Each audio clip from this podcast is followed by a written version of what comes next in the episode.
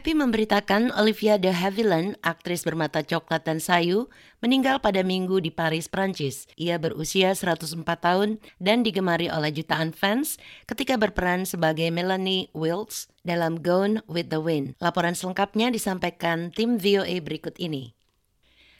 De Havilland adalah bintang layar putih top dari era ketika film masih diproduksi di studio. Ia juga yang terakhir dari para bintang Gone with the Wind. Olivia De Havilland mencatat ini merupakan sebuah ironi mengingat Melanie Wilkes yang lemah itu adalah satu-satunya karakter dalam film itu yang meninggal. Film epik yang didasarkan pada novel Perang Saudara Amerika yang populer, karya Margaret Mitchell dan pemenang 10 Academy Awards, acap kali digolongkan sebagai juara box office Hollywood. Meskipun kini acap kali dikritik karena mengeluh-elukan perbudakan dan kehidupan masa antebellum, era kehidupan di selatan pada akhir abad ke-18.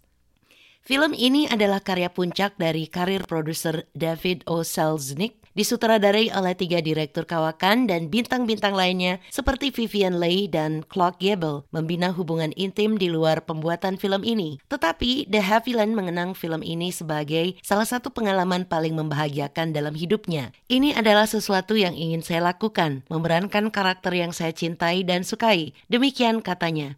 Selama 60 tahun berkarir sebagai aktris, The Havilland juga memainkan peran berkisar sebagai seorang ibu single sampai ke penghuni rumah sakit jiwa dalam film Snake Pit. Dia juga bermain bersama Errol Flynn dalam serangkaian film drama, koboi, dan tema bersejarah. Tetapi The Havilland juga prototip seorang aktris yang sangat cantik. Biasanya diberi peran sebagai tokoh yang manis dan romantik, sementara dirinya sendiri mendambakan perang-perang yang lebih menantang. Kekecewaan dalam meniti karirnya ini mengakibatkan ia menuntut Warner Bros.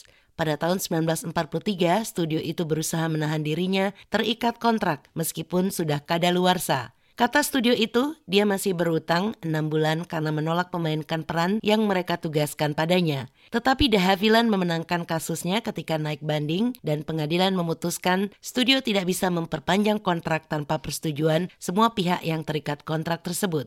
Hingga kini secara tidak resmi keputusan itu disebut The Havilland Law.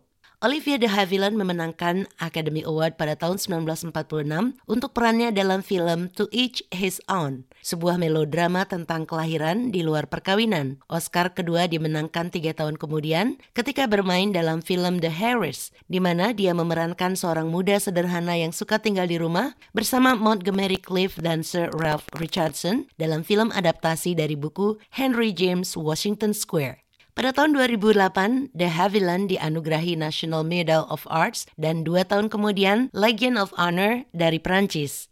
Olivia de Havilland lahir di Tokyo pada 1 Juli 1916, putri dari seorang pengacara Inggris. Orang tuanya bercerai ketika dia berusia 3 tahun, dan ibunya membawanya pulang ke Saratoga, California. Perkawinan de Havilland sendiri dengan Marcus Goodrich dan Pierre Galange juga berakhir dengan perceraian. Untuk Jimmy Manan, saya Madioni, VOA.